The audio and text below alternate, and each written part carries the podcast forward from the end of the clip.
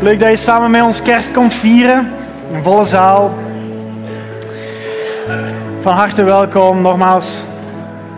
Een vrolijk kerstfeest. Het is kerstmis, dus ik wil samen met jullie kort in het kerstverhaal duiken. Wat is nu de essentie van kerst? We vieren kerst, is een heel belangrijk deel van onze cultuur, een heel belangrijk deel van onze maatschappij. Maar ik wil even kijken, wat vieren we nu? Wat in essentie is kerst zo'n belangrijk verhaal, zo'n mooi verhaal, zo'n prachtig verhaal, een rijk verhaal. En we gaan niet alles kunnen zien vandaag, maar we gaan een deel van het kerstverhaal samen wel kunnen zien. We lezen samen in een van de evangeliën, Lucas 2 staat, in die tijd werd er een bevel van keizer Augustus bekendgemaakt. En hij wilde alle inwoners van het Romeinse Rijk laten tellen. Het was de eerste keer dat dit gebeurde. En iedereen moest geteld worden in de plaats waar zijn familie vandaan kwam. En daarom gingen alle mensen op reis. En ook Jozef moest op reis. Hij ging van Nazareth in Galilea naar Bethlehem in Judea. Want hij kwam uit de familie van David en David kwam uit Bethlehem. Maria, eh, Jozef ging samen met Maria naar Bethlehem. Maria zou met Jozef gaan trouwen en ze was zwanger. Toen Jozef en Maria in Bethlehem waren, werd het kind geboren. Het was Maria's eerste kind, een jongen. En Maria wikkelde hem in een doek en ze legde hem in een voederbak. Voor de dieren, want er was nergens plaats om te slapen. Is een heel bijzonder verhaal. Een beetje een, vreemd verhaal. Er is hier een koppel, een jong koppel, zonder aanzien, zonder rijkdom. Die moeten op pad, die moeten op reis. Er was een volkstelling, die keizer had een volkstelling uitgereikt. En iedereen moest naar het dorp waar de man geboren was. Dus dat, dat, dat, koppel gaat op pad en je moet je dat voorstellen in een warm land, zonder medische voorzieningen, zonder transportmogelijkheden. Er was helemaal niks. Ging dat koppel op pad, hoogzwanger. En toen ze daar kwamen, moest Maria bevallen. En er was nergens plaats voor hen. En dus de enige plaats om te gaan was een stal tussen de dier en het babytje werd in een voederbak gelegd. Kun je je dat voorstellen, wat dat wil zeggen? Het is een beetje een anticlimactisch verhaal. Dat je je afvraagt, is dit nu het grote verhaal? Is dit nu een van de grote verhalen die onze maatschappij heeft vormgegeven? Is dit nu een van de grote verhalen waardoor, waar rond zoveel christenen samenkomen nu en heel het jaar door? En anticlimax wordt nog groter als je weet wat de context was van het Joodse volk in die tijd. God had een belofte gedaan aan het Joodse volk, dat hij herstel ging brengen. Dat hij die gebrokenheid die in ons allemaal als mens zit, dat hij die ging rechtzetten.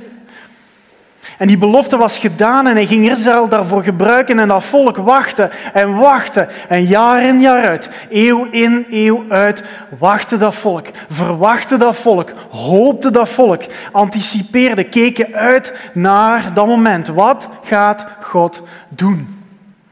En dat was de centrale vraag die door dat volk zinderde in die tijd. De centrale vraag die dit verhaal overkoepelt. Wat gaat God doen? Heeft God ons in de steek gelaten? Gaat God die beloofd heeft om herstel te brengen, gaat het er nog komen? Hoe lang moeten we nog wachten? En hoe gaat dat eruit zien?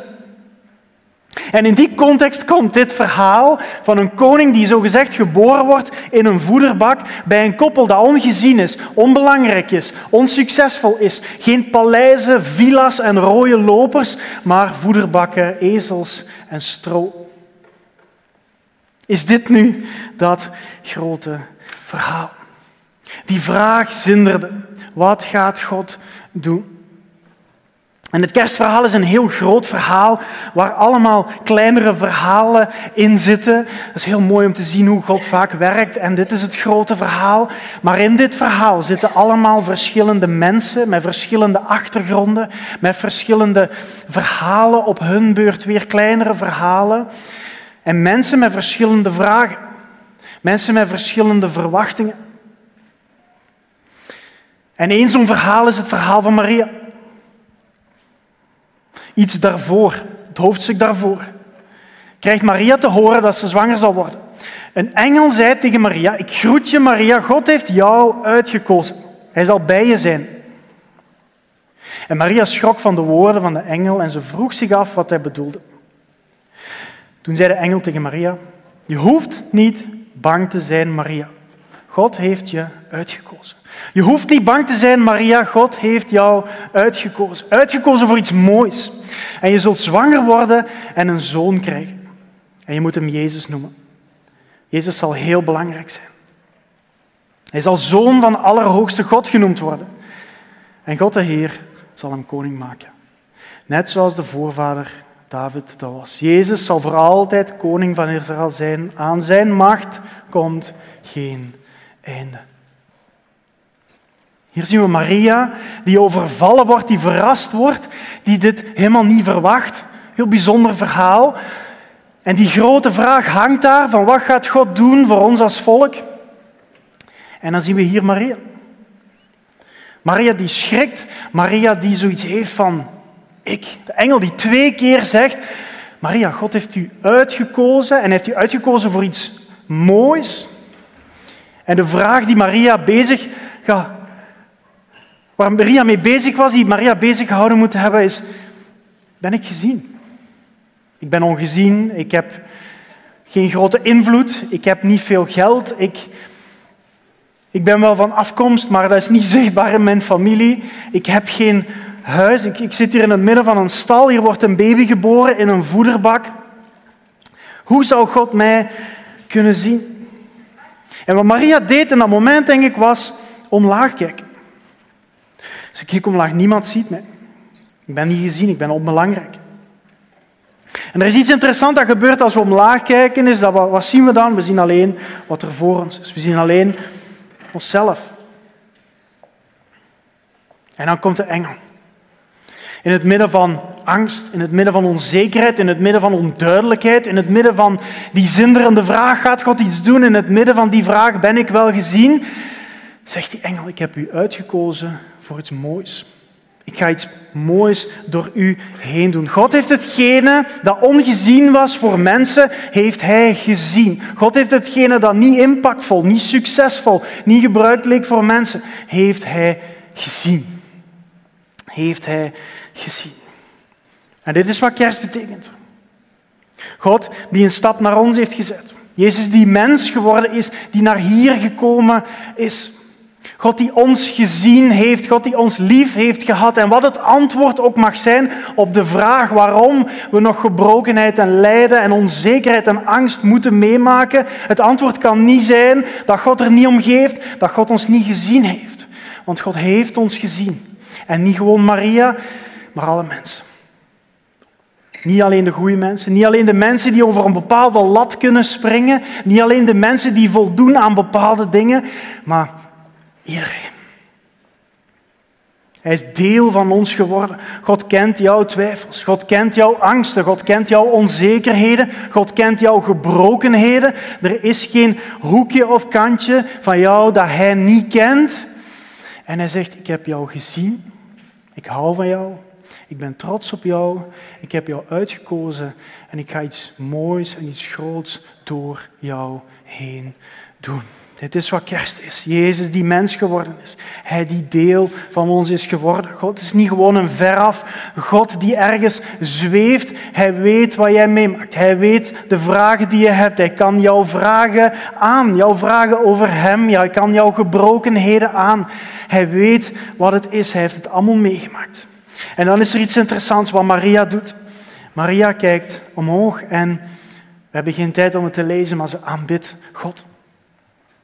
Er is iets wat er gebeurt als we onze blik omhoog heffen, als we omhoog kijken en de koning en God alle eer geven die hem toekomt. Dat we hem aanbidden. Wat is aanbidden? Is gewicht geven aan dat wat belangrijk is, dat wat gewicht toekomt. Waarde geven aan dat wat waarde toekomt. En er is iets als we omhoog kijken, dat onze blik verruimt, dat we van hier naar oogkleppen gaan, dat we omhoog gaan en dat onze blik verruimt. En dat we zien de dingen zoals ze zijn in Gods perspectief, dat we gezien zijn, dat we geliefd zijn. Jezus is het antwoord op de vraag of we lief gehad zijn, of we gezien zijn, of we als mens belangrijk zijn, of dat we meer zijn dan een hoop cellen die op een planeet rondzweeft. God is het antwoord op de vraag, ben ik lief gehad? En dit was de vraag van Maria. En we lezen verder in Lucas 2. Lezen we over nog mensen in dit verhaal, die deel worden van dit grote verhaal. Die nacht waren er herders in de buurt van Bethlehem. En ze pasten buiten op hun schapen en opeens stond er een engel tussen de herders. En het licht van God straalde om hen heen. De herders werden bang, maar de engel zei, jullie hoeven niet bang te zijn, want ik breng jullie goed nieuws. Het hele volk zal daar blij mee zijn. En vandaag is jullie redder geboren. Christus de Heer. Hij is geboren in Bethlehem, de stad van David. En zo kunnen jullie hem herkennen. Het kind ligt in een voerbak en is in een doek gewikkeld. En plotseling was er bij de engel een hele groep engelen en ze eerden God en ze zeiden, alle eer aan God in de hemel en vrede op aarde voor de mensen van wie God houdt. Hier waren de herders op een voor hun willekeurige nacht in een wei Herder zijn was niet de meest populaire job in die tijd. In feite was helemaal onderaan de sociale ladder. Het was geen job met aanzien. Het was geen job met succes. Het was een gevaarlijke job. Je was niet succesvol in de maatschappij als je herder was. En hier zaten die herders in het midden van de wei, s'nachts op hun schapen te passen. En misschien dat ze de vraag stelden, is er meer? Is er meer dan dit? Ik ben een jonge man, ik had zoveel ambities en hier zit ik, ben ik herder. Onpopulaire job, ongewilde job, job die niks wou zeggen in die tijd, met gevaar voor eigen leven, dat niet veel verdiende, een heel ruige, moeilijke job. En herders keken horizontaal om zich heen, denk ik. Keken om zich heen, wat er om zich heen daar speelde. De bezigheden, afleiding, en stelde zich die vraag, is er meer dan wat er zich rondom mij afspeelt? Is er meer dan deze schijnbare oppervlakkigheid? Is er meer dan wat er hier en nu lijkt te zijn? En dan komen de engelen. En hier worden herders, die schijnbaar onbelangrijk zijn, die een onpopulaire job, hier worden die herders deel van een van de grootste verhalen die ooit verteld is. En hier staan wij, 2000 jaar later, over die herders te praten. En er gebeurde iets als ze omhoog keken. Als ze samen omhoog keken, de herders. Er was een eerbied, er was een ontzag, er was een erkenning, er was een vinden dat er inderdaad meer was. Dit is wat kerst is. Het leven is niet zomaar een zoektocht naar plezier. Het leven is niet zomaar een zoektocht naar de dingen die hier op aarde zijn. Een job, een auto, een huis, familie zijn allemaal heel goede dingen. Er is allemaal niks mis mee. Maar er is zoveel meer. Er is zoveel meer. Er is een leven in vervulling. Er is een leven van avontuur. Er is een leven met een doel. En dat is wat Hij is komen brengen. Jezus die kwam, zodat hemel en aarde terug één konden worden. Jezus is het antwoord. Er is meer. Je gaat nooit vervulling vinden in enkele dingen die zich hier op aarde afspelen. En het is niet een ontsnappen aan, maar er is zoveel meer als je Jezus gaat volgen. Er is zoveel meer als je omhoog gaat kijken. Oh, hoe heeft onze maatschappij nood vandaag om omhoog te kijken en de waarde van eerbied, de waarde van ontzag, de waarde van erkennen dat er iets meer is, dat er iets hoger is, dat er iets heilig is. Dit is wat kerst is. Jezus is het antwoord. Er is meer, er is meer voor jouw leven. Er is meer voor jouw leven. er is een derde vraag, een derde verhaal. Dan moeten we naar een ander evangelie kijken. In Matthäus 2 staat er, Jezus werd geboren in Bethlehem, de stad in Judea. En Herodes was op dat moment koning. Niet lang na de geboorte van Jezus kwamen er wijze mannen in Jeruzalem aan. En ze kwamen uit het oosten, uit een ver land. Ze vroegen aan de mensen in Jeruzalem, waar is de koning van de Joden die kort geleden geboren is? We hebben zijn ster gezien. Die kwam aan de hemel omhoog en nu zijn we gekomen om de nieuwe koning te eren. Herodes liet alle priesters en wetsleraren bij elkaar komen en hij vroeg aan hen. Herodes was bedreigd, voelde zich bedreigd. Waar zal die Messias geboren worden? En ze zeiden in Bethlehem in Judea. Want dat wordt al verteld in de heilige boeken. Daar staat, luister. Bethlehem in Judea, jij hoort bij de belangrijkste steden van het land, want uit Bethlehem komt de leider van Israël en hij zal zorgen voor het volk van God, zoals een herder voor zijn schapen zorgt. Hij zal zorgen voor zijn volk als een herder voor zijn schapen zorgt. Hier waren de wijzen die op weg waren, die van een ver land kwamen, van heel ver op zoek, op reis. Ze waren onderweg. Ze waren op zoek naar wijsheid, ze waren op zoek naar kennis, ze waren op zoek naar antwoorden. En de vraag die hun misschien heeft beziggehouden is, is er zoiets als zekerheid? Zijn er überhaupt antwoorden te vinden in dit leven? Is er een fundament waar ik mijn leven op kan bouwen? En hier waren die wijzen op zoek. En wat gebeurde er? God leidde hen. God gaf een teken en hij leidde hen en hij gaf hun richting. Hij gaf hun een doel en hij gaf hun een, een antwoord. Als mensen hebben wij zo nood aan een leider, aan leiding, aan richting, aan een doel. En hoe vaak stellen we ons vertrouwen in menselijke faalbare leiders of systemen.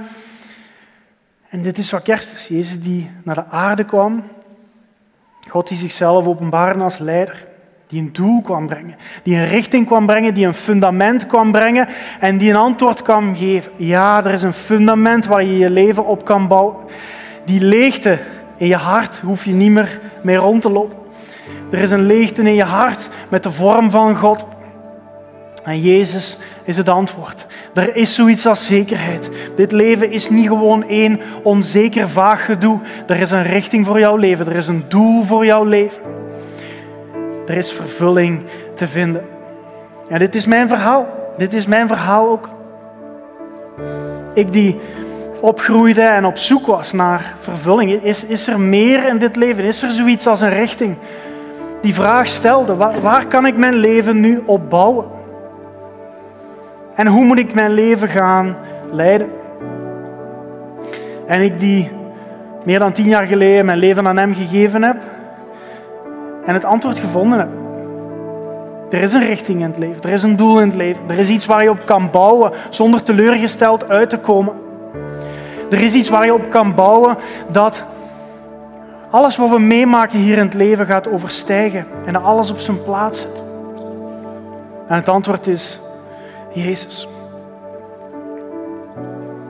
Er is iets wat, wat er gebeurt als we omhoog kijken vanuit die vragen. Er is een leven van leiding, een leven van een doel.